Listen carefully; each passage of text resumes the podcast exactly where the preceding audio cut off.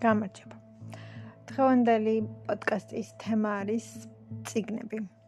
და რასაც პირველ რიგში ვიტყვი ალბათ არის ის, რომ თავიდან, როდესაც დავიწყე პოდკასტზე ფიქრი და გაკეთება, მ ბევრჯერ გავაკეთე, წავშალე, ну, ძალიან ბევრი ისტორია ქონდა ამას, მაგრამ მ რამდენიმე ჩანაწერი, ასე ვთქვათ, იყო სხვადასხვა ეტაპზე გაკეთებული პოდკასტების შემთხვევაში, იყო ციგნები.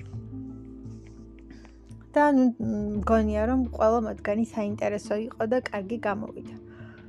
არ ვიცი რას ვიტყვი დღეს ისეთ განსაკუთრებულს და საინტერესოს, მაგრამ ჩემს დამოკიდებულებაზე და ჩემს შეხედულებაზე ვისაუბრებ და გამოცდილებაზე ზოგადად ციგნებთან დაკავშირებით. Ну თავიდან რომ დავიწყოთ ალბათ ბავშვობაში და პატარა ასაკში ძალიან მნიშვნელოვანი არის რომ სწორად შევურჩიოთ ბავშვს ციგნი რომ შევაყვაროთ ციგნი, ციგნები, ციგნების სამყარო, კითხვა და რომ თავადაც მოუნდეს რომ იყოს ჩართული, წაიკითხოს, რაც შეიძლება მეტი იკითხოს და მაინც რაც არ უნდა იყოს, როგორც არ უნდა განვითარდეს საერთოდ სამყარო, მგონია რომ ციგნი არის შეუცვლელი. აა იმიტომ რომ ფანტაზიას ძალიან გვეხმარება რომ განვავითაროთ საკუთარი ფანტაზია, წარმოდგენები, უფრო მკვეთრად დავხატოთ რაღაცები გონებაში და ეს წარმოსახვისთვის მგონია რომ არის ძალიან კარგი. აა ხშირად არის ეკრანიზაცია ისეთი ძალიან ცნობილი და ასე ვთქვათ კლასიკად ქცეული ციგნების და ბევრი მათგანი მიყვარს კიდეც, თუმცა განსაკუთრებით იმ ციგნების ეკრანიზაცია, რომლებიც მე ძალიან მიყვარს, ყოველთვის მაქვს იმის განცდა, რომ რაღაცა მთლად ისი არ არის, რომ ეს პერსონაჟი მე სხვანაირი წარმოვიდგინე და იქ სხვანაირი იყო და რაღაცა თანხოდრა არ ხდება.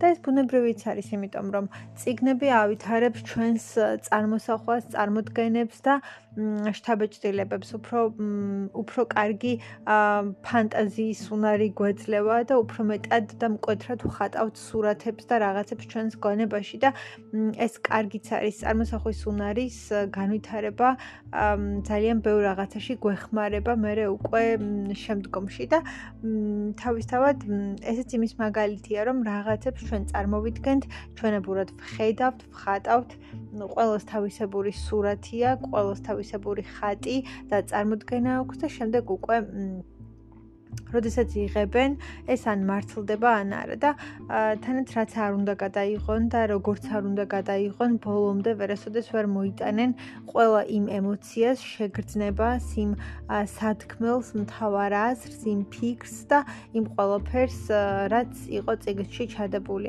რაზეც ჩვენ უნდა გვეფიქრა, რაზეც ჩვენ უნდა დავფიქრებულიყავით და თამამად ვიტყვი იმას, რომ ერთ-ერთი ერთ-ერთი ჩემი უსაყვარლესი წიგნი არის ჯეინი არის და რამდენჯერაც არ უნდა წავიკითხო ყოველ ჯერზე ახალ მომენტებს, ახალ დეტალებს და ახალ ნაწილებს ვამჩნევ, რომლებიც თითქოს არ ჩემი მჩნევია და ყოველ ჯერზე არის ისეთი რაღაცები, რაც ძალიან ღრმა არის და რაც ძალიან მაფიქრებს და რასაც უფრო სიღრმისეულად და შორს მივყავარ და ფილმში მაგას ვერასოდეს ვერ გადაიღებენ. ის რაც სიღრმისეულია განსაკუთრებით და ის რაზეც უნდა დაფიქრდე, რასაც უნდა გაყვედე, რაზეც უნდა კარგად დაუკვირდე და რასაც ძალიან კარგად უნდა ჩააკვირდე, ასე ვთქვათ, იმას ფილმი ვერასოდეს ვერ მოგიტანს, ამიტომ მგონია რომ ციგნი არის შეუცვლელი. აა კიდევ რაც შემიძლია ვთქვა ციგნებზე არის ის, რომ ჩემ ცხოვრებაში ყოფილა ისეთი მომენტები, როდესაც ციგნების მიმართ განზიდვა და რაღაცნაირად სიშორე მქონია, რომ აღარ მინდოდა წამეკითხა. ხშირ შემთხვევაში ციგნები გვაჯერებენ რაღაცა ამბებს, რაღაცა ისტორიებს და ჩვენც ამ ყველაფერს ვიჯერებთ, ეს ყველაფერი გულთან ახლოს მოდის, ეს ყველაფერი ძალიან მოქმედებს, ჩვენთვის ძალიან ემოციურია და ნუ ასე შემდეგ და ასე შემდეგ. აა და არ ვიცი, შემდეგ როდესაც ცხოვრებაში ციგვენაირად არ ეწყობა და ზუსტად ისი არ ხდება და ყველაფერი არ მართლდება, მე გვაქვს ძალიან დიდი იმედგაცრუების შეგრძნება. მე გვაქვს რაღაცნაირი გულის ტკივილი და მე გვაქვს რაღაცნაირი იმედგაცრუება, რომ აი რაღაცას ღაპრებს მაჯერებენ, რაღაც სისულელებს მაჯერებენ, რომლებიც ცხოვრებაში ასე არ ხდება. ზოგადად ფილმებსაც, სერიალებსაც და წიგნებსაც აქვთ ეს რაღაცა happy end-ის დასასრული, ასე ვთქვათ. ну ბევრს, ყოველ შემთხვევაში ყველას თუ არა ბევრს. საკმაოდ და იქ რაღაცნაირად გაქვს შეგრძნება, რომ პერსონაჟმა როგორი პრობლემაც და როგორი პრობლემებიც არ უნდა გამოიაროს ცხოვრებაში, რაღაც ეტაპზე ყველაფერი ლაგდება, ყველაფერი თავის ადგილას დგება და რაღაცნაირად ყველაფერი რო ლაგდება, მე რა ყველაფერი რაღაცნაირად კარგადაც სრულდება და ცხოვრებაში შესაძაც ასე არ ხდება, რაღაცნაირად გაქვს ამბოხის, რაღაცა შინაგანი პროტესტის, აჯანყების შეგრძნება და რაღაცნაირად ეს იწვევს მე განზიტვას, რომ ანუ მე ბოლომდე ვიჯერებ, მე ბოლომდე შევდივარ იმ სამყაროში და ბოლომდე ემოციურად ვიზიარებ იმ სამყაროს და იმ ყველაფერს, რაც რაც იქ ვნახე, რაც იქ ეწერა, ეს ყველაფერი შევიგრძენი, ეს ყველაფერი გადმოვიტანე, ეს ყველაფერი გავითავისე და ნუ საბოლოოდ რა, საბოლოოდ არაფერი, იმიტომ რომ არაფერი ისე არ ხდება, როგორც იქ იყო, როგორც იქ დამიხატეს, როგორც იქ დამაჯერეს, როგორც იქ წარმოადგინეს, როგორც მოიტანეს ჩემამდე და მე გაქვს ნუ ეს პროტესტი ის და რაღაცნაირად აჯანყების მაგვარი შეგრძნება რომ მომატყუეს და რაღაცა დამაჯერეს, რაღაცა რწმენა ჩადეს ჩემში, რომელიც საბოლოო ჯამში ჩემთვის არ გამართლდა. აა თუმცა ნუ ციგნებს განსაკუთრებით აქვს თავისი დასაწყისი, შემდეგ ეს რაღაცა კულმინაციის მომენტი და შემდეგ ნუ უკვე დასასრული. ყველაფერი მთელი სიმძაფრე, მთელი კვანძის შეკვრა, შემდეგ ამ კვანძის გახსნა და ნუ მოკლედ აა ძირთად მაინც სამი ნაწილისგან შედგება, ესე მოკლედ რომ ვთქვათ ხომ და თავისთავად იქ პრობლემები უნდა მოგვარდეს რაღაცა ფინალში რომ გავი მოვიდეს, პრობლემები უნდა მოგვარდეს, დაალაგდეს, რაღაცები მოწესრიგდეს და შემდეგ რაღაცა ლოგიკური დასასრული გქონდეს და ფინალი შედგეს ან ბედნიერი დასასრულით, ან მეტნაკლებად საშუალო დასასრულით და ნეიტრალური ფონით დასრულდეს, ან ძალიან ტრაგიკულად და ცუდად დასრულდეს, მაგრამ რაღაც დასასრული უნდა გქონდეს ამ ყველაფერს.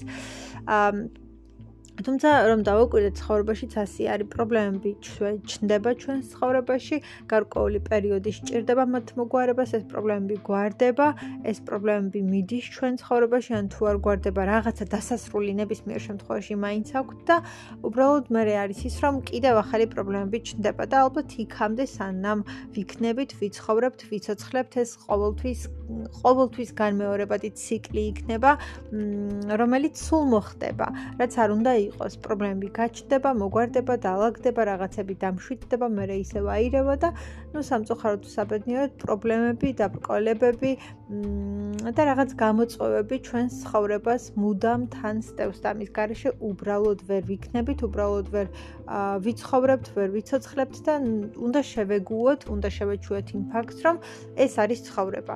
ასე ხდება, ასეთ წრეზე დავდივართ და ეს ყველაფერი მეორდება.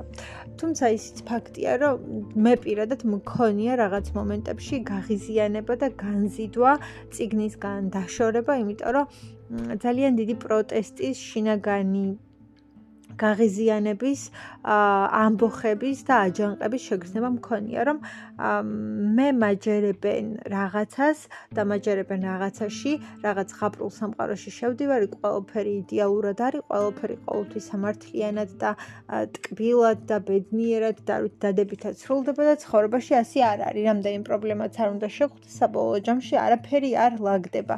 საბოლოო ჯამში არაფერი არ არის ისე, რომ აი ყველაფერი მოგვარდეს, ყველაფერი დაალაგდეს და ნუ საბოლოო ჯამში აი ყველაფერი რაღაცა განსაკუთრებულად კარგად იყოს. და ესეთ მომენტებში, რა თქმა უნდა, უფრო მეტი არის აგრესიაც, გაღიზიანებაც, აჯანყებაც, პროტესტიც, წინააღმდეგობაც, დაპირისპირებაც და შეპირისპირებაც და არც ყველაფერი საერთოდ.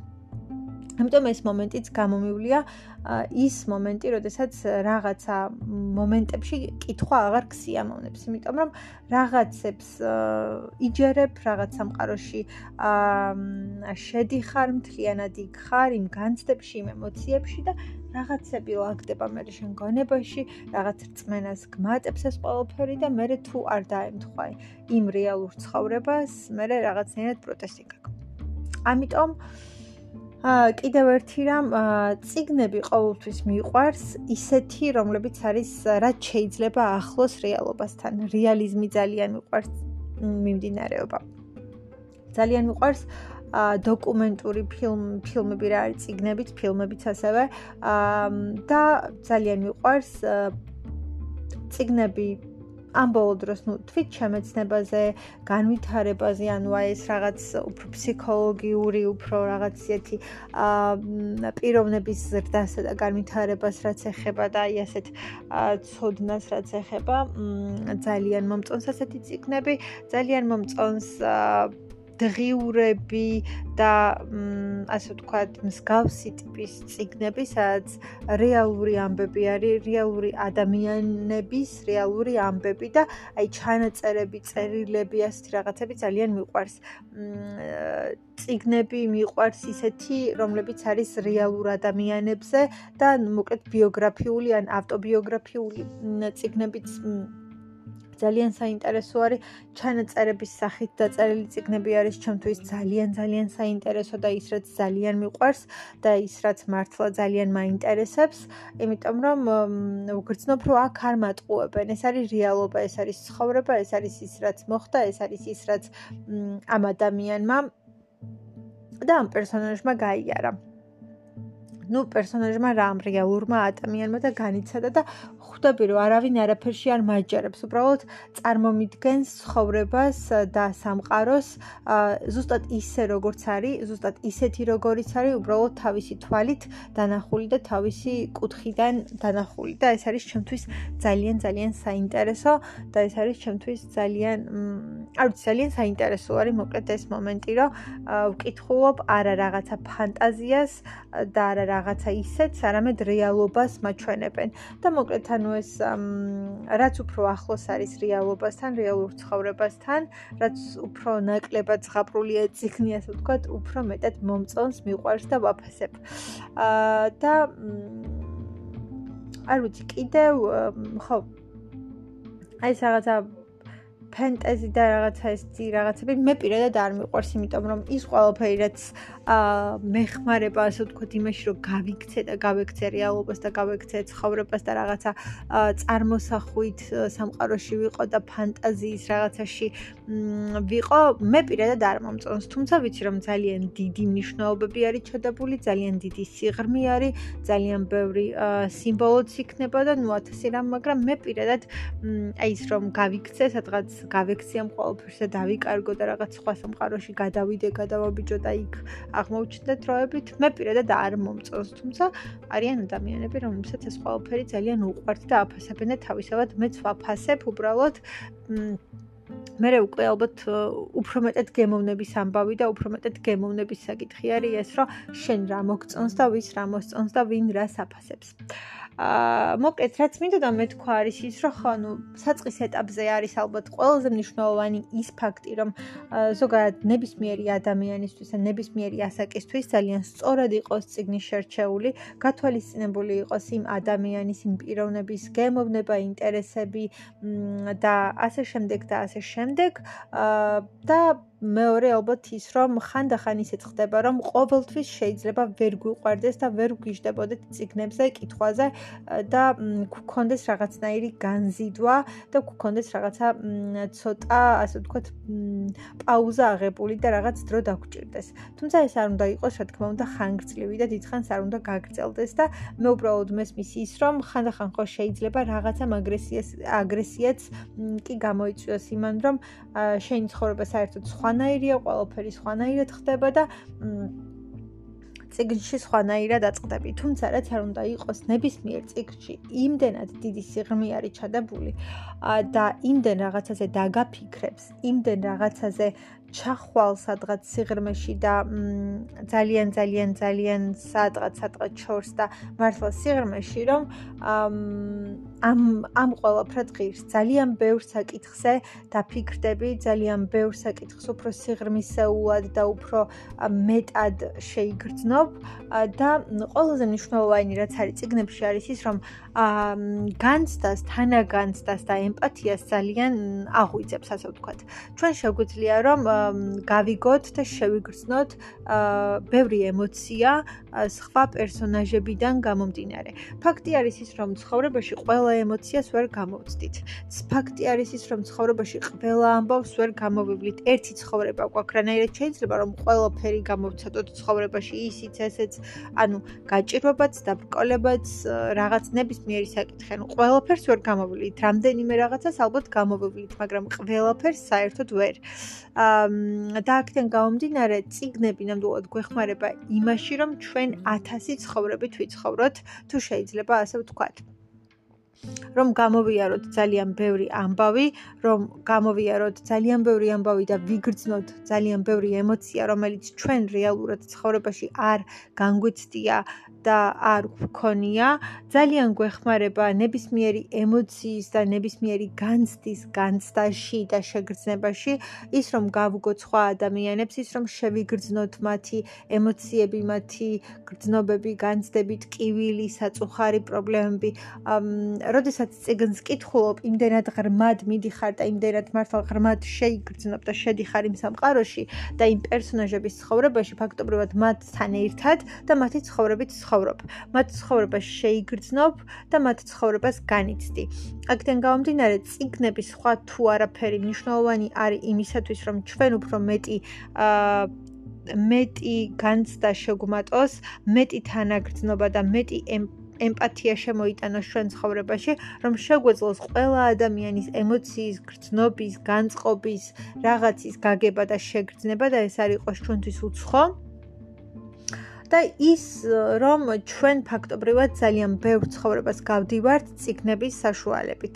ანუ მაშინ როდესაც ვკითხულობთ და როდესაც იქ ხვდებით ძალიან ბევრ პერსონაჟს, მათი დახმარებით, თითქოს აი რაღაცნაირად ჩვენი მეგობრები ხდებიან ან გზამკვლევები, ხელს ჩაგკიდებენ და სადღაც მიყავ ხარ თითოეულ მათგანს, რაღაცა ემოციურ სამყაროში ან რაღაცა სამყაროში, რასაც აი გიდივით არის და აი ამას გაჩვენებს, ამას გაჩვენებს, განახებს, ათვალიერებს რაღაცნაირად ხედავ, უფრო მეტად შეიგრძნობ, უფრო მეტად ახლოს მიდიხარ და თითქოს აი გასწავლის და გაჩვენებს რა, ის რაც შენ არ გინახავს და მ ამ ყველაფერს უფრო მეტად განიცდი და უფრო მეტად ხედავ და უფრო მეტად შეიგრძნობ და ეს არის ძალიან საინტერესო.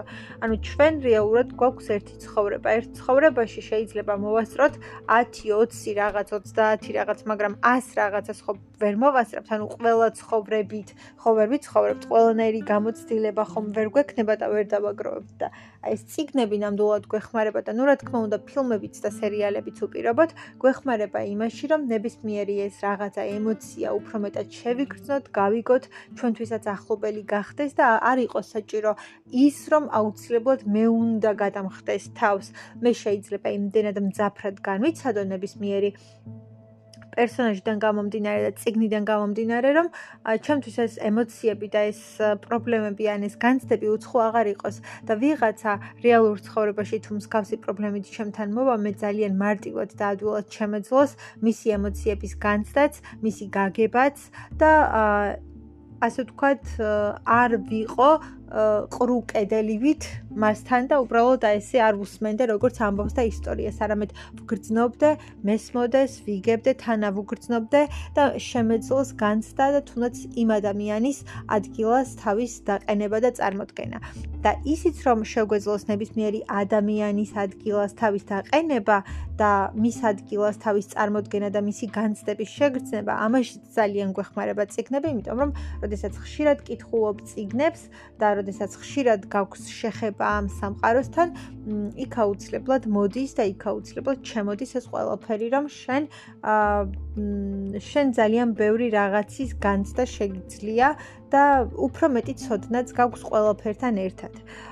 თანაც ნებისმიერ ციგნს რაღაცა ემოციების განცდასთან ერთად ყველა ციგნში არის რაღაცა მთავარი, ძირითადი ამ პრობლემა, ან მთავარი აზრი ჩადებული, რომელსაც უფრო მეტად ვუღრმავდებით.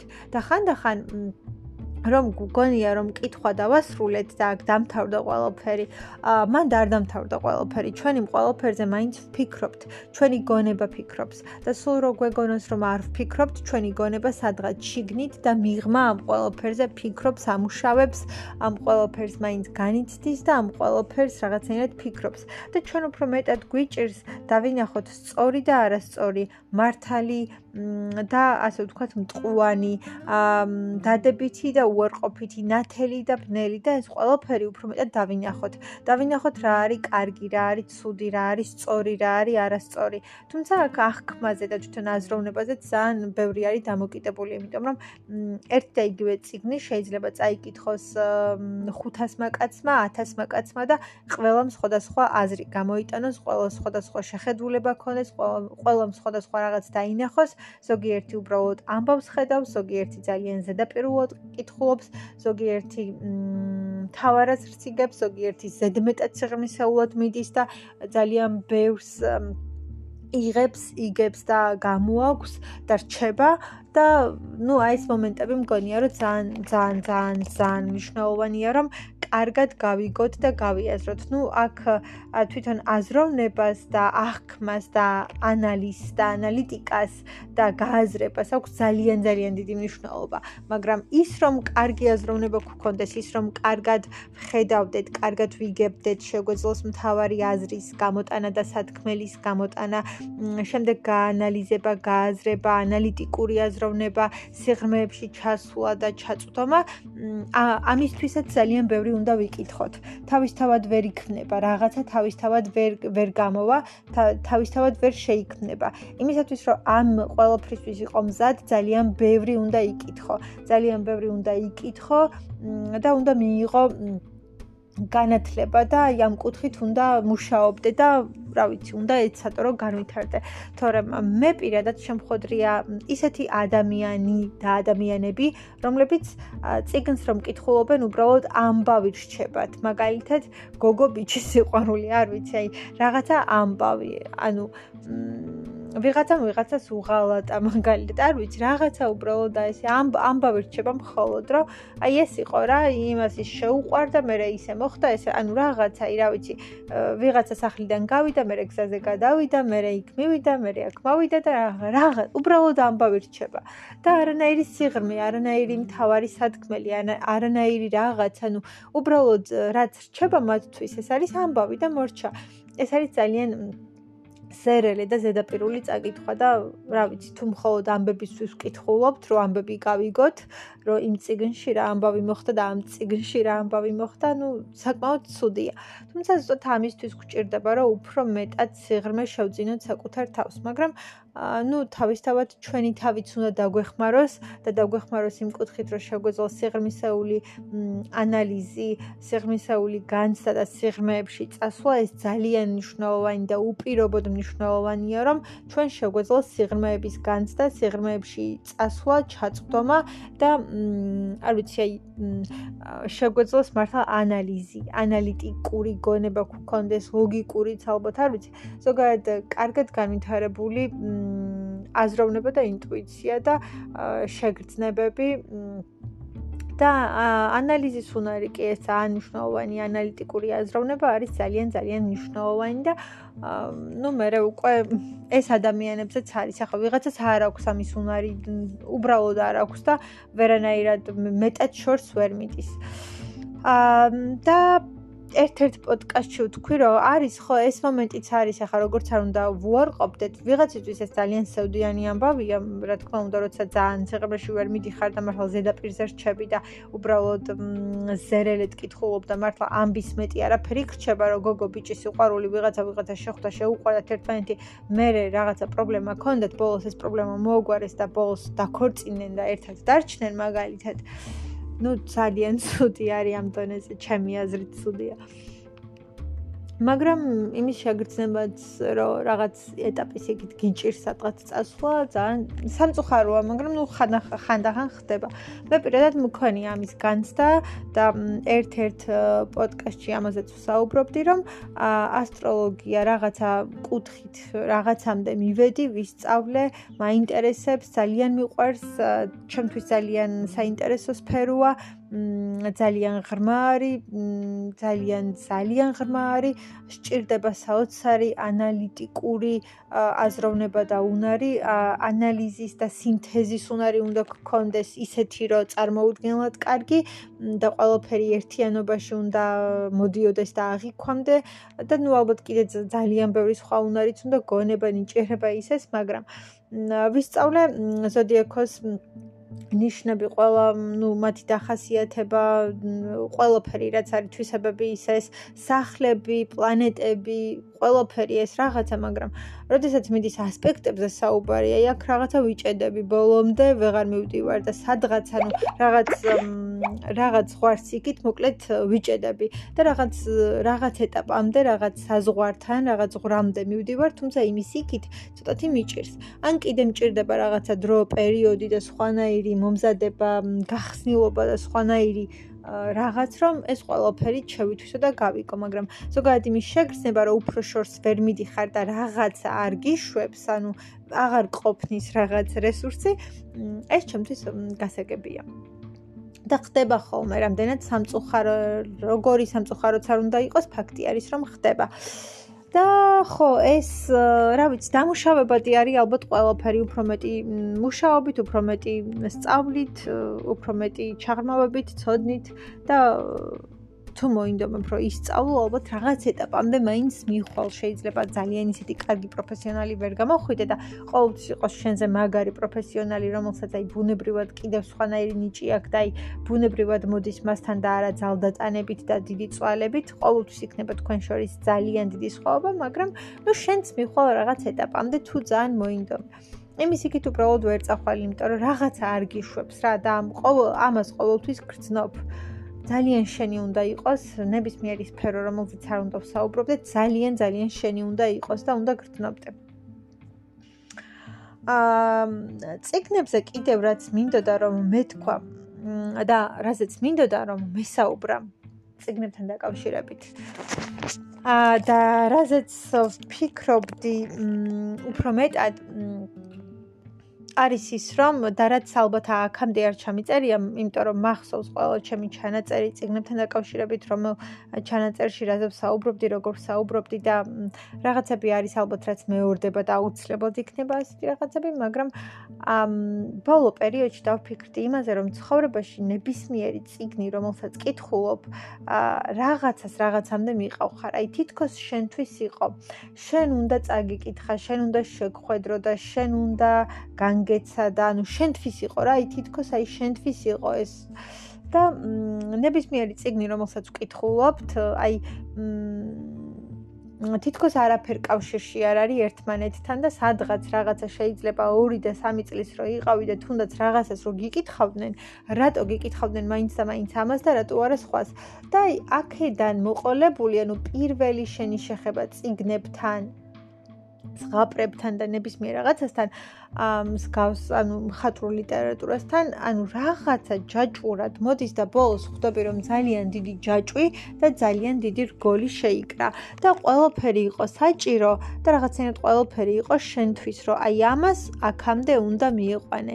ამას აქ უნდა წამოეყვანე ამას აქ უნდა მოეყვანე ამას რა ვიცი რაღაცა და ბოლოს ყველაფერი ერთიანობაში მოდის ბოლოს გრძნობ რომ ყველაფერი ერთ დიდ წრეს კრავს და რაღაც ჯაჭვი იქნება და მე უკვე ყველაფერი ერთმანეთს ლოგიკურად უკავშირდება და ხშირ შემთხვევაში მე არის რომ იმას იმასთან დააკავშირებ, ამას ამასთან დააკავშირებ, უფრო მეტ საერთოს დაინახა, უფრო მეტ კავშირებს აღმოაჩენ, უფრო მეტად მიხვდები რომ აი რაღაცამ რაღაცა განაპირობა, რაღაცამ რაღაცა გამოიწვია, რაღაცა რაღაცას დაუკავშირდა, ეს იმისთვის იყო საჭირო, ეს ამისთვის იყო საჭირო, ეს ამიტომ მოხდა, ეს იმიტომ მოხდა, ეს იმიტომ წაიკითხე, რაღაცამ რაღაცისთვის შეგამზადა და მგონი მგონია რომ ყველაზე მნიშვნელოვანი ნაწილი არის ის რომ ციგნმა ციგნთან უნდა მიგიყვანოს. აი რაღაცამ რაღაცასთან უნდა მიგიყვანოს და ბოლოს ხვდები ამ ლოგიკურ კავშირებს და ლოგიკურ მას და ამ ჯაჭვს უფრო მეტად ხედავ. იმან რომ რაღაცას კითხულობდი ან გიკითხავდნენ ბავშვობაში 3-4 ან 5 წლის ასაკში, დღეს რაღაცამდე მიგიყვანა, რაღაცა დაგანახა, რაღაცა აღმოგაჩენინა, ან ისევ იმ რაღაცაში ტრიალებ მსგავს სფეროში, არ ვიცი, რაღაცები ყოველთვის ერთმანეთს უკავშირდება და გრძნობ მე ამ კავშირს. და ესეთი რაღაცეთი ძალიან ღრმა კავშირიც რო არ იყოს და ისიც რო არ იყოს, რომ აი მართლა იმან აქ მოგიყვანა და ამან იქ მიგიყვანა და რაღაც მსგავსი თუ არ გამithერდა მაინც და მაინც ხო? ნებისმიერ შემთხვევაში იმას გრძნობ, რომ აა არ ვიცი, ნებისმიერ შემთხვევაში ანუ მგონია რომ არ არსებობს, იმას არ გრძნობდე და იმას ვერ გრძნობდე, რომ რაღაცამ რაღაცასთან მოგიყვანა. ნებისმიერი რამ რაც წაიკითხე, რასაც შეეხე, აი შენთვის იყო, შენ შენ გჭირდებოდა, შენ უნდა წაგიკითხე, იმიტომ რომ რეალურად თუ ავიღებთ ალბათ რაღაც ეტაპამდე არ იყო რთული ძალიან ბევრი წინი წაგიკითხა. არ იყო რთული, რომ წაკითხული გქონოდა მართლა ყველა წიგნი. არ იყო რთული. იმიტომ რომ ჯერ ამდენი ამდენი რამ არ იყო დაწერილი და შექმნილი. მაგრამ ბოლო ბოლო ორი საუკუნის მანძილზე ძალიან ბევრი ციგნი შეიქმნა კიდევ და დღესაც იქნება და ძალიან ბევრი მწერალი არსებობს და ნუ წარმოუდგენელი არის ერთ ადამიანს გეყოს შენ მთელი ცხოვრება იმისათვის რომ ეს ყველა ციგნი წაიკითხო და ყველაფერს მოუყარო თავი. რანაირად უნდა მოასწრო, უბრალოდ ვერ ხვდები მე პირადად ვერ ხვდები, რანაირად უნდა მოასწრო ყველა ციგნის წაკითხვა. მით უმეტეს რომ ცხოვრება ისე არ არის დაალაგებული რომ მარტო წიგნები ვიკითხოთ და მთელი 24 საათი მზაობა იყოს იმაზე რომ მხოლოდ წიგნები ვიკითხოთ და მეტი არაფერი არ ვაკეთოთ. ხანდახან განწყობაც უნდა, ხანდახან მზაობაც უნდა, ხანდახან ძალიან დაღლილები ვართ, ხანდახან იმდენად გათიშულები ვართ რომ გააზრების და მიღების თავიც არ გვაქვს. აა თუმცა ნუ ამ კუთხით შემიძლია ვთქვა, რომ ერთ-ერთი კარგი რამ რაც მე პირადად აღმოვაჩინე და ვიყენებ, საქმეს როდესაც ვაკეთებ ან პოდკასტს უსმენ, ან აუდიო წიგნს, რომელიც მომწონს და მაინტერესებს და მიყვარს მაგალითად, და ასევე მგზავრობისას ხშირ შემთხვევაში ვუსმენ აუდიო წიგნს ან პოდკასტს, იმიტომ რომ აი უფრო ناყოფიერად გადის ეს და ანუ დროს კი არ ვხარჯავ და ეს დრო უბრალოდ გაფლანგული ან დაკარგული კი არ არის, არამედ რაღაცა უფრო ناقოფიერია და მე რაღაც მომცა და შემძინე და რაღაცნაირად ანუ აი უფრო ასე ვთქვათ, პროდუქტიული შეგრძნება მრჩება, ვიდრე ის, რომ მე დრო დავკარგე უაზროდ, მაგალითად, მთელი 1 საათი ვიყავი გზაში და მთელი ეს 1 საათი უბრალოდ დაიკარგა გადაჯდომა-განმოჯდომაში, ან სიარულში, ან იმაში, ან ამაში. არამედ რაღაცა პროდუქტიულიც მომცა და ეს ნუ ეს შეგრძნება ჩემთვის არის ძალიან მნიშვნელოვანი რომ აი ამის განცდა მქონდეს პროდუქტიულობის განცდა და შეგრძნება მქონდეს. ხო და ნუ იმის თქმა მინდა რომ დღესდღეობით ძალიან რთულია რომ ყველა წიგნი წავიკითხოთ. წარმოუდგენელია უბრალოდ დღესაც კი, აი ამ წამს ალბათ მე რომ ამას ვაპარაკობ, რამდენი მწერალი ადამიანი ზის და რამდენი ადამიანი წერს და კიდე ქმნის რაღაც ახალს. არ ვიცი. და ნუ როგორ გინდა რომ ყველაფერი წაიკითხო, უბრალოდ როგორ გინდა და მგონია რომ აი ზუსტად ის ციგნები, რომლებსაც ჩვენ ვკითხულობთ. აი რაღაცნაირად ჩვენთვის იყო განკუთვნილი. აი ჩვენ უნდა წაგვეკითხა. ჩვენ უნდა გვენახა, ჩვენ უნდა გვეპოვა, ჩვენ უნდა შეგხვედრო და ჩვენ უნდა გადავყროდით, ჩვენ უნდა წაგვეკითხა, ჩვენზე ზემოქმედება უნდა ქონოდა, რაღაცაზე გავლენა და ყველა ციგნს აქვს ზეგავლენა, როგორც არ უნდა ვილაპარაკოთ, ჩვენს დამოკიდებულებას, ჩვენს შეხედულებას, ჩვენს გემოვნებას და ძალიან ბევრ რაღაცას განსაზღვრავს. აი, როგორც არ უნდა ვილაპარაკოთ, ქვეცნობიერ დონეზე მაინც ძალიან მოქმედებს და ბევრ რაღაცას იმდენად ჩუმად და უჩუმრად განაპირობებს ან განსაზღვრავს, რომ ჩვენ ამას ვერც ხვდებით. და ნუ თუ უფრო მეტად ღრმად და სიღრმისეულად ვფიქრობთ ნებისმიერ მათგანზე, მე მგონია რომ კიდევ უფრო მეტად მნიშვნელოვანია ეს და ძალიან მაგარი რამ არის, ძალიან ძალიან მაგარი რამ არის. და ანუ აი მგონია რომ მართლა ციგნს ციგნთან მივყავართ და ასეც უნდა იყოს ციგნმა ციგნ ანუ ერთმა ციგნმა მეორე ციგნამდე უნდა მიგიყვანოს აუცილებლად და რაღაცა იქ გზა არის და აი რაღაცა გადებული ხიდივით არის თითოული ეს ციგნი. აა ჩვენ ვერ წავიკითხავთ პირდაპირ მაგალითად იდიოტს. ანუ ვერ წავიკითხავთ, იმიტომ რომ რაღაც ასაკში რომ წაიკითხო, არ იქნები უბრალოდ მზად. არ იქნები უბრალოდ მზად და ვერც გაიგებ და არაფერი არ დაგრჩება. უბრალოდ იქნება რომ რაღაცა სიტყვაზე 500 გვერდი თუ არ ვიცი 800 გვერდი თუ არ მახსოვს ახლა ზუსტად რამდენი გვერდია, მაგრამ 800 ან 900 გვერდი წაიკითხე. წაკითხული გვერდების რაოდენობა დაგრჩება მხოლოდ და არა ის რომ შენ ეს წიგნი მართლა წაიკითხე, მართლა გაიაზრე და მიიღე. ამიტომ ყველაფერს ჭირდება შემზადება და დღეს განსაკუთრებით აი დღესაც ვუსმენდი ერთ-ერთ აუდიო წიგნს და ვხვდებოდი რომ ყველაფერს უნდა მზაობა. რაღაცამ რაღაცამდე უნდა მიგიყვანოს იმანი იქ, იმანი იქ, იმანი იქ, იმანი იქამდე ამანაკამდე და უნდა შეგამზადოს კიდევ რაღაცა უფრო დიდისთვის, იმიტომ რომ პირდაპირ დიდს და პირდაპირ მნიშვნელოვანს ფაქტი არის რომ ვერ შევეჭიდებით. რომ შევეჭიდოთ ვერ გავიგებთ. და უბრალოდ იქნება დახარჯული დრო აი რა ვიცი კითხვაში ვარჯიშობდით აა მაგალითად და მეტი არაფერი. ხო კიდე რაც მინდა ვთქვა რომ აი მე მაგალითად ძალიან მიყვარს ნუ თავიდან ბოლომდე რთული არის მაგრამ ხმამაღლა კითხვა. უფრო კარგად გამახსოვრდება უფრო კარგად აღიქვამ უფრო კარგად იგებ და აღქმაში ძალიან გვეხმარება მეტყველებასაც აუმჯობესებს ჩემი აზრით და უფრო კარგად გვამახსოვრდება, უფრო კარგად ვიგებთ და უფრო კარგად ვიაზრებთ და აღქმაც უფრო სხვანაირი არის და ნამდვილად გრჩება ესე მგონია.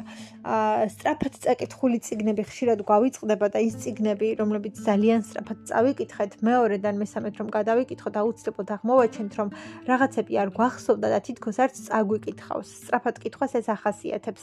როდესაც ძალიან დიდი ინტერესით კითხულობ იმ წამს ვერ ამჩნევ და იმ წამს ვერ ხვდები, თუმცა ბოლოს აუცილებლად აღმოაჩენ სადღაც, რომ ძალიან ბევრი მომენტი არ გახსოვს, ძალიან ბევრი მომენტი გამოტოვე, დაკარგე და მ უბრალოდ თითქოს არც წაგიკითხავს და ნელა კითხვა ყოველთვის უფრო მნიშვნელოვანია და უფრო მეტად ჯდება, გვამახსოვრდება და ალბათ ისიც უნდა გვახსოვდეს, რომ წაკითხული ციგნების რაოდენობაში არ არის საქმე.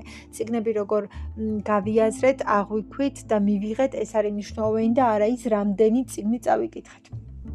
იმიტომ რომ შეიძლება ძალიან უაზროდ წავიკითხოთ ციგნები და არაფრად არ ღირდეს, ანუ ის წაკითხული ციგნი არაფერი არ იყოს, იმიტომ რომ ჩვენ იქიდან არც არაფერი დაგვრჩეს, ვერც არაფერი გამოვიტანოთ და აი უბრალოდ უაზროდ დახარჯული დრო იყოს და არაფრის მომცემ. და ნუ ბოლოს აი ამაზე ვფიქრობდი, რომ ძალიან მნიშვნელოვანია ეს მზაობა. რომ ჩვენ რაღაცებისთვის ვიყოთ მზად და თითქოს მთელი ეს გზაც იმისთვის გჭირდებოდა რომ ამისთვის მომზადებულიყავი ანუ პირდაპირ ამისთვის მზად ვერ იქნებოდი. და ამისთვის გჭირდებოდა მომზადება და ის მთელი გზა და მთელი ის ციგნები და მთელი ის ისტორია რაც გამოიარე იმისთვისაც იყო საჭირო რომ შენ ამისთვის მომზადებულიყავი და ნუ ჩემ მაგალითზე ვიტყვი რაც ძალიან მკვეთრად მახსოვს 10 წლის ვიყავი კითხვა ყოველთვის ძალიან მიყვარდა. და სანამ კითხოს ვისწავლიდი, ნუ მშობლებს და დედას ვაკითხებდი ხოლმე ზღაპრებს, სხვა გზა არ იყო და როგორც კი პირველ კლასში ვისწავლე კითხვა, ჩემით წავიკითხე ძალიან დიდი ზღაპრების წიგნი გქონდა და დავჯექი და წავიკითხე და ძალიან პედნიერი ვიყავი, რომ აღარ მჭირდებოდა არავის ხვეწნა ან დახმარება და ჩემითაც ჩემეძლო რამდენი ხანიც მინდოდა და რამდენი ზღაპარიც მინდოდა წამეკითხა და უბედნიერესი ვიყავი. და ნუ მოკლედ ბავშვობიდან მიყვარდა და საერთოდ ის ბიბლიოთეკა რომელიც სახში გვაქვს აი იმ კუთხეში მიყვარდა უზომოდ დავჯდებოდი და ერთ ციგნს მეორე ციგნს ავიღებდი ნახულობდი ყველაფერი ზეპირად ვიცოდი რა ციგნები გქონდა რომელი ციგნები გქონდა საათობით შემეძლო მჯდარიყავი და აი ესე თვალიერებაში გადიოდა ფაქტობრივად და რაღაც ოცნებებშიც რომ აი რო გავიზრდები ყველა ციგნი უნდა წავიკითხო, რაც აქ დევს და რაღაც მსგავსი ემოციები მქონდა და არ ვიცი, უზომოდ მიყვარდა. ხოლო სადღაც 10-11 წლის ვარ და დამოუკიდებლად ვარჩევდი ხოლმე და რა ბიბლიოთეკაც მქონდა, მოკლედ ზეპირად ვიცოდი რა ციგნი მქონდა და არ ვიცი რატომ, მაგრამ ნუ ავიღე წითელი და შავი და ეს ციგნი წავიკითხე 10-11 წლის ასაკში. რა თქმა უნდა, ვერაფერი ვერ გავიგე. და ის ზუსტად მაგაზე მქონდა საუბარი. რომ მაგ ციგნიდან, ну, მე უკვე რომ გავიდა წლები სადღაც 21-22 წლის ასაკში წავიკითხე ხელა ხო და საერთოდ საერთოდ სასაცილო იყო, რომ ანუ რა რა დავინახე და რა აღვიქვი მაშინ და საერთოდ რა იყო ეს ციგნი. ეგ იყო ძალიან საინტერესო გამოცდილება და აა ხო, ну, აი, ეგ იყო ზუსტად ის მომენტი 10-11 წლის ასაკში, როდესაც ეს ციგნი წავიკითხე, არანაირი მზაობა არ მქონდა. და თავისთავად იმის გარდა რომ შინაარსი დარჩა და იმის გარდა რომ რაღაცა შინაარსი დამრჩა, მეტი არაფერი დამრჩენია იმ ციგნიდან. საერთოდ არაფერი არ დარჩენილა ჩემთვის, ანუ საერთოდ არაფერი დაუტოვებია რაღაცა შინაარსის გარდა რომ ვიღაცას ვიღაცა უყვარდა, ვიღაცა რაღაცა რაღაცა ანუ მეტი არაფერი არ ყოფილა ჩემთვის ეს ციგნი და მე მგონი საერთოდ ამ ციგნთან იმიტომ მივედი პატარა ასაკში რომ ის ციგნი რომელიც მე პირადად სახში მაქვს და მქონდა ნახატებიც იყო ციგნში და რომ ნახულობდი ხოლმე ეს რაღაცა მომწონდა და მე მგონი მაგანაც განაპირობა ბავშვობის ასაკში რომ ეს ციგნი შევარჩიე ხა რაღაც განსაკუთრებული მაშინ დიდად არ მჭირდებოდა და მოკლედ აი ეს არის მნიშვნელოვანი რომ ციგნს რომ წავიკითხავთ რა გრჩება მხოლოდ ისტორია რჩება და ამბავი რჩება თუ რეალურად ციგნი გავიგეთ და აღვიქვით და მივიღეთ და გავიაზრეთ. და ის მთავარი სათქმელი და დასკვნა გამოვიტანეთ, რაც რეალურად უნდა გამოგვეტანა, რაც რეალურად უნდა მიგვეღო და რისთვისაც კითხულობდით და წესით რის გამოც უნდა წაგვეკითხა. და კიდე კიდე რაც მინდა ვთქვა, ხო აი ეს მომენტი დავაფიქსირე, რომ აა ციგნმა ციგნთან უნდა მიგიყვანოს. აა არ ვიცი, აი ციგნიდან ციგნამდე არის მთელი გზა და ისტორია. და ის ყველა ციგნი, რომელსაც ვკითხულობთ, ჩვენს განვითარებას და მომზადებას და მზაობას უწყობს ხელს, რომ აი პატარ-პატარა რაღაცებიდან დავიწყოთ, მოვემზადოთ, განვითარდეთ, რაღაცნაირად შევემზადოთ და მერე უკვე იმ რაღაცა დიდს და მნიშვნელოვანს რომ ავიღებთ, აი ციგნის წასაკითხად, გასაგებად ვიყოთ მზად. წაკითხვა ნუ ახლა ძალიან ბანალური არის თავისთავად, მაგრამ აი გასაგებად ვიყოთ მზად, რომ მე ეს ციგნი ნამდვილად გავიგო და არა უბრალოდ წავიკითხო როგორც როგორც უბრალოდ რაღაცა. აი ეს არის მნიშვნელოვანი ჩემი აზრით. იმიტომ რომ ნებისმიერ ასაკში მგონია, აა შეიძლება წაიკითხო ციგნი და არაფერი დაგრჩეს იმ ციგნიდან. და მართლა მხოლოდ იყოს შენთვის უბრალოდ შინაარსი და მეტი არაფერი. და თითქოს აი ამ შინაარსის გამოკითხულობ რა რო გაიგო, ვინ ვის უყვარდა, ვინ რა ქნა, როგორ ქნა, რა გააკეთა და მთელია ეს რაღაცა ეს დაგრჩეს და ეს ეს ნუ ჩემთვის ცუდია, ჩემთვის სევდიანია, ჩემთვის სამწუხაროა და ის არის მნიშვნელოვანი რომ თავარი სათქმელი გავიგოთ, მივიღოთ და გავიაზროთ. და კიდე მგონია რომ ნებისმიერ ეპოქაში, ნებისმიერ საუკუნეში და ალბათ შეიძლება 10 წლეულშიც ან 20 წლეულში, არ ვიცი, ნებისმიერი თაობა, რომელიც კითხულობს, სხვანაირად ხედავს, სხვანაირად იაზრებს და სხვა რაღაცებს ხედავს და აღმოაჩენს. აა შეიძლება ის რაღაც, რასაც ჩვენი თაობა თუნდაც დღეს ვერ წარმოიდგენს და ვერც კი დაესიზმრება, რომ ამ ციგნში შეიძლება ეს აზრი, ეს იდეა, ან ეს რაღაცა იყოს ჩადებული, ჩვენ ვერ დავინახოთ და გავიდეს 50 წელი და არ ვიცი, ვიღაცამ რომელიღაცა მკვლევარმა, რომელიღაცა მეცნიერმა ეს ყველაფერი დაინახოს, მიიღოს, გაიაზროს და არ ვიცი, ყველა და ყველაფერი დარჩეს პირდაღებული, გაოცებული და გაკურებული, რომ როგორ საიდან, ანუ ამდენი ხანი რატო ვერ ვამჩნევდით, ან რატო ვერ ვხედავდით, ან რატო არ იყო ასეთი ცალსახად მნიშვნელოვანი და ჩვენ რატო ვერ დავინახეთ, ჩვენ რატო ვერ შევამჩნიეთ, მაგრამ ეს მომენტიც მგონია, რომ ყოველი თაობა სხვანაირად კითხულობს. ყოველი თაობა რაღაც ახალს და ახალს თუ არა ახლებურად ხედავს. აა და ყოველთვის ხდება რაღაცა გადააზრება. შეიძლება ერთ ციკლში ვიღაცამ დაინახოს პატრიოტიზმი, ვიღაცამ დაინახოს მეგობრობა, ვიღაცამ დაინახოს სიყვარული, ვიღაცამ დაინახოს არ ვიცი, მშობლების სიყვარული, ვიღაცამ დაინახოს სამშობლოს უკიდეგანო სიყვარული, ვიღაცამ დაინახოს აა ერთობა, ერთიანობა, არ ვიცი, აი რაღაც, ანუ ყველამ შეიძლება და თაობებზე მაგ უფრო მეტად საუბარი, აი იმ თაობამ ეს დაინახოს და ეს წამოსწიოს წინ და თავისთავად ეს იყო სიახლე, იმიტომ რომ ის წინათაობა და წინათაობები ამისთვის არც იყვნენ მზად, იმიტომ რომ მათ სხვანაირად წაიკითხეს, მათ სხვანაირად გაიგეს, მათ სხვანაირად მიიღეს, მათ სხვანაირად გაანალიზეს და მათ სხვანაირი კუთხით და სხვა ჭრილში დაინახეს ეს ყველაფერი.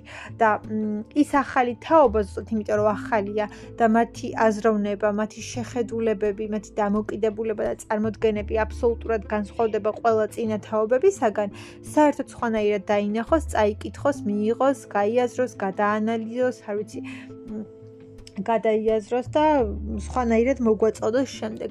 და თავისთავად ის ძველითაობა არ იყოს ამისთვის მზად. მგონია რომ ძალიან ბევრი რამ მე დავინახე და წლების მანძილზე საერთოდ სხვადასხვანაირად დავინახე და სხვადასხვანაირად მივხვდი და ჩავხვდი და ჩავწვდი. აი თვითონ ის წიგნი წერანს რო ახსენებდი ჯეინი არის ხო? ძალიან მიყვარს. და მე მგონი სადაც 10 წლიდან, ნუ 10 არა, მაგრამ ნუ შეიძლება 12-13 წლიდან მოდის ეგ წიგნი ჩემ ცხოვრებაში შეიძლება 14-15-დან არის მოკეთ რაღაც აი ესეთ გარდატეხის ასაკს უკავშირდება და იმის მერე წავიკითხე მგონი 10 ჯერ ან 15 ჯერ არ ვიცი და ყოველი ახალი წაკითხვა სხვა სიღრმეებთან და სხვა რაღაცებთან მიდის და ყოველ ჯერზე სხვადასხვა რაღაცას აღმოვაჩენ და ხედავ და ხვდები და ის პირველ პირველადი აღმოჩენებით ჩემი იყო და ეს ახალი აღმოჩენებით ჩემია ხო თავისთავად მაგრამ ფაქტი არის, რომ ასაკსაც და მზაობასაც დიდი მნიშვნელობა აქვს. იმასაც, რომ შენ რა ასაკში ხარ, შენ რა გამოიარე ცხოვრებაში, შენ რა გამოცდილება გაქვს, აა რამდენად რამდენად გაიზარდე ემოციურად და გონებრივად? მთელი ამ დროის მანძილზე, იმიტომ რომ თუ ემოციურად და გონებრივად არ გაიზარდე და წინ არ წახვედი, ანუ შენ აღქმაშიც არაფერი არ შეიცვლება, მაგრამ როდესაც შენ მას შემდეგ კიდე უამრავი რამ წაიკითხე, გაიაზრე, გაანალიზე, იმსჯელე, მოусმინე და ანუ ცოდნა შეიძინე და გარკვეული ცოდნა შეიძინე თავისთავად მე უკვე სხვანაირად ხედავ სხვა ჭრილში და სხვა თვალით უყურებ და სხვანაირად აღიქვამ საერთოდ. და ესეც მნიშვნელოვანი არის რომ აი განვითარება იმ ციგნს სანამ კიდევ ერთხელ დაუბრუნდები რა გაიარე და მე უკვე სხვანაირად ხედავ მე უკვე სხვა რაღაცას ხედავ მე უკვე სხვანაირად აღიქვამ და სხვანაირად განიხილავ კიდეც და ეს საინტერესოა. და ეს ხდება თვითონ ერთი ადამიანის ცხოვრებაში ხო? ანუ მე ამ შემთხვევაში საუბარი მაქვს საკუთარ თავზე, რომ ყოველი წაკითხვა პირობითად თუ ავიღებთ მაგალითად 10 ჯერ მაქვს წაკითხული ყოველი ეს 10 წაკითხვა სხვადასხვა რაღაცას მაძლევს. სხვადასხვანაირად ვფიქრობ სხვადასხვანაირად ვხედავ სხვადასხვანაირად აღვიქვამ სხვადასხვანაირად ვუყურებ და ეს არის საინტერესო. მთელი ეს გზა და მთელი ეს პროცესი არის საინტერესო და ის რომ მე თაობებით სხვადასხვანაირად უყურებენ განიხილავენ და აანალიზებენ ესეც საინტერესო არის და ის რაც ჩვენ მაგალითად კარგი გვგონია ან კარგი გვეგონა შეიძლება შეიძლება მოვიდეს თაობა, რომელიც იტყვის, რომ ეს რაღაცა სისულელია, ან ეს მთლადესი არ არის, ან ეს კარგი არ არის, ოღონდ დაასაბუთონ ეს ყველაფერი და არა უბრალოდ ჰაერზე, რომ ეს კარგი არის და მორჩა და მე ესე მგონია. უბრალოდ დაასაბუთონ და დაამტკიცონ ეს ყველაფერი და მე შეიძლება გაოცებული, რომ ანუ მე ამდენჯერ რო წავიკითხე მაგალითად ეს ციგნი და ამდენჯერ რომ მქონდა ამ ციგნთან შეხება, რატომ ვერ დავინახე, რატომ ვერ აღმოვაჩინე ეს ყველაფერი და მე რატომ ვერ აღმოვაჩინე ან მე რატომ ვერ ვიგრძენი და და ეს გაოცებაც და მე მეორეა კიდე. ანუ შენ უკვე მაგალითად სიტყვაზე მთელი ცხოვრება რო თითქმის გავლილი გაქვს და მაგალითად ხარ 70-80 წლის ხო?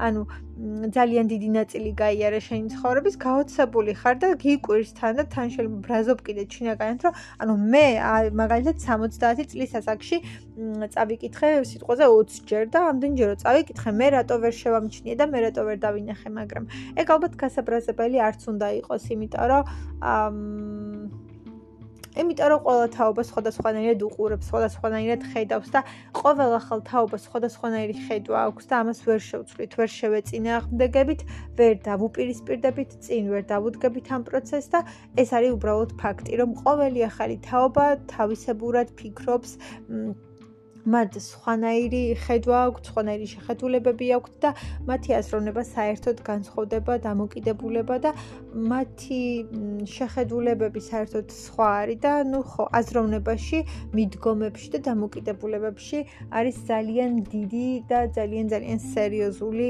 განსხვავება და სხვაობა და ესეც მნიშვნელოვანია. მნიშვნელოვანიც არის ალბათ და ძალიან საინტერესოც არის, რომ ყოველი თაობა ძალიან განსხვავდება და აი ეს აზროვნებაში განსხვავება და სხვაობა და მე უკვე თავისთავად დამოკიდებულებებში, შეხედულებებში და ცხოვრების წესში და საერთოდ ყველაფერში აისახება უკვე ეს ყველაფერი, ამასაც ვერ შევეწინა აღმდეგებით და ვერაფერს ვერ გავაკეთებთ. აა ფაქტი არის.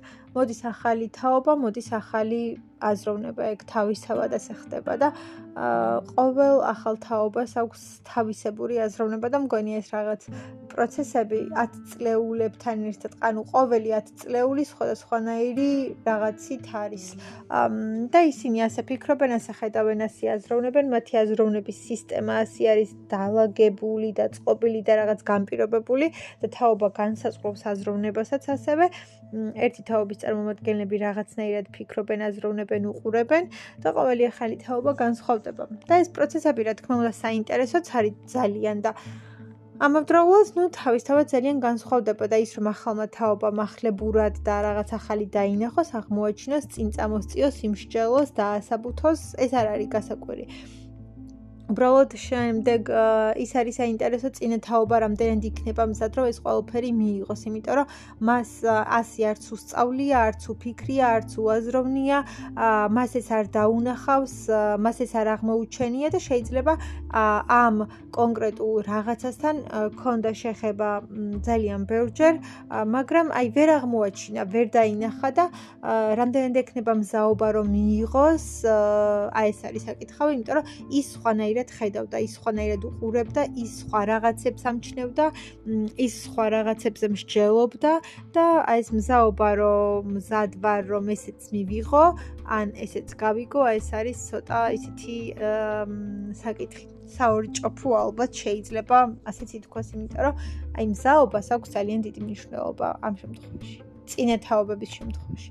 და ახალი თაობა თავისთავად ახალი შეხედულებები, ახალი დამოკიდებულებები, ახალი აზროვნება არის საერთოდ და რა თქმა უნდა ძველს იმეორებს და ძველიც არის მასში, მაგრამ ძველთან ერთად არის ახალი. და ეს ახალი რა იქნება, ეგ უკვე საინტერესოა და თაობა მე თავისთავად წარმოაჩენს და გვაჩვენებს და აა წინეთაობასთან ალბათ ის არის ყველაზე მნიშვნელოვანი, რომ წინეთაობამ უნდა გამოიჩინოს მიმღებლობა, მზაობა და მიმღებლობა ალბათ ყველაზე მეტად მნიშვნელოვანი არის, რომ ზად იყოს მიიღოს რაღაცები და მსად იყოს რომ აყვეს აყვეს თანამედროვეობას, აყვეს ცხოვრებას და რაღაცები მიიღოს და არ შეუშინდეს ამ მიმღებლობას, იმიტომ რომ სხვანაირად არ გამოდის და ის რომ ცხოვრება იცვლება, მათ შორის იცვლება დამოკიდებულებები და იცვლება ცხოვრების წესი, ესეც ფაქტია.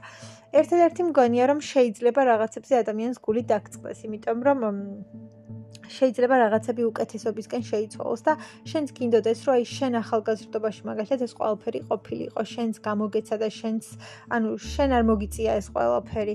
მაგალითად უფრო მეტად თავისუფლება უფრო მეტად თავისუფალი ცხოვრება უფრო მეტად სილაღე.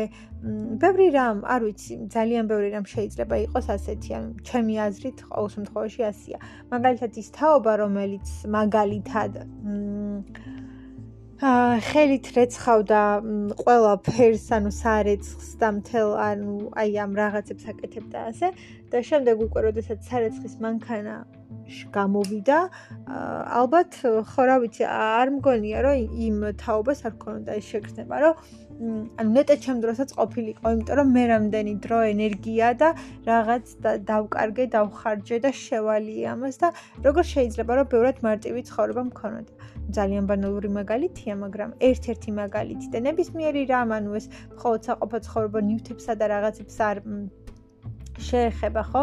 ან ადამიანები, რომლებიც წერდნენ თემას და დღე და ღამე უწევდათ ბიბლიოთეკაში ყოფნა და ჯდომა და ციგნიდან ციგნთან მართლა მისვლა და ქექვა და აი არ ვიცი, საოცარი შრომა უწევდათ და ხელით წერა თუნდაც. და შემდეგ დღეს ანუ ელექტრონულად შეგიძლია ძალიან ბევრი ციგნი ნახო, მოიძიო, აღარ დაგჭირდეს სახლიდან გაქცევა და ბიბლიოთეკაში 24 საათი ჯდომა და ამ კუთხით გაიოლებული არის რაღაც ინფორმაციების მოძიება და მოძებნა და შემდეგ გამოყენება. ამის გარდა არ ვიცი, ხელით რო წერდნენ თემებს და მაგალითად მთელი 100 გვერდი რო ხელით უნდა დაეწერათ, დღესდღეობით ბევრად გამარტივებულია, იმიტომ რომ დაჯდები და ლეპტოპზე დაწერა. ნუ როგორ შეიძლება რომ აი ასეთ რაღაცაზე მაგალითად გული არ დაგწყდეს და არ იფიქრო რომ რა მაგარი იქნებოდა ჩემ დროსაც რო ასე ყოფილიყო, იმიტომ რომ ნუ ვეღარ შეცვლი, შენ ის ის პერიოდი გამოიარე, შენ ის ახალგაზრდობა გქონდა და ახალი თაობა და თანამედროვე აა ცხოვრებაში, ასე ვთქვათ, უკვე აი დღევანდელ up to date რაღაცაში სხვანაირად ცხოვრობს და სხვანაირად არის ყველაფერი მოწყობილი. და ეს შეიძლება ცოტათი, ცოტათი სევდიანი და ცოტათი გულდასაწყვეტი მომენტი იყოს რაღაცნაირად, იმიტომ რომ ნეტა შენს გამოგებულო და იგივე ანუ თავისუფლების ხარისხი თუნდაც თავისუფლება და მოუკიდებლობა, რომელიც უპირობოდ უნდა აღინიშნოს, რომ გააჩნია ახალ თაობას თუმცა ყველაფერს აქვს თავისი დადებითი და თავისი უარყოფითი მხარე და ესეც ესეც ცალსახად ჩემი აზრით ფაქტია და ესეც უნდა აღინიშნოს და არ შეიძლება უბრალოდ რო არ აღინიშნოს და არ ითქვას. აა თუ მაგალითად გვაქვს ინტერნეტი და თუ იგივენაირად ბევრი ციგნის და რაღაცის ნახვა შეიძლება მარტივად სახლიდან გაუსვლელად და ბევრი დროის დაზოგვის ხარჯზე, ასევე იგივე ბევრი დრო შეიძლება რომ წაგართვას ინტერნეტმა. დღევანდელ ცხოვრებაში სკროლვა მაგალითად, რომ რაღაცა სკროლავ და აი ამაში გავიდა მთელი დრო. ან რაღაცა უაზრო რაღაც შეგხვდა, მე იქ გადახვედი, იქიდან იქ გადახვედი და რაღაც მთელი დრო დაკარგე ამ ყველაფერში.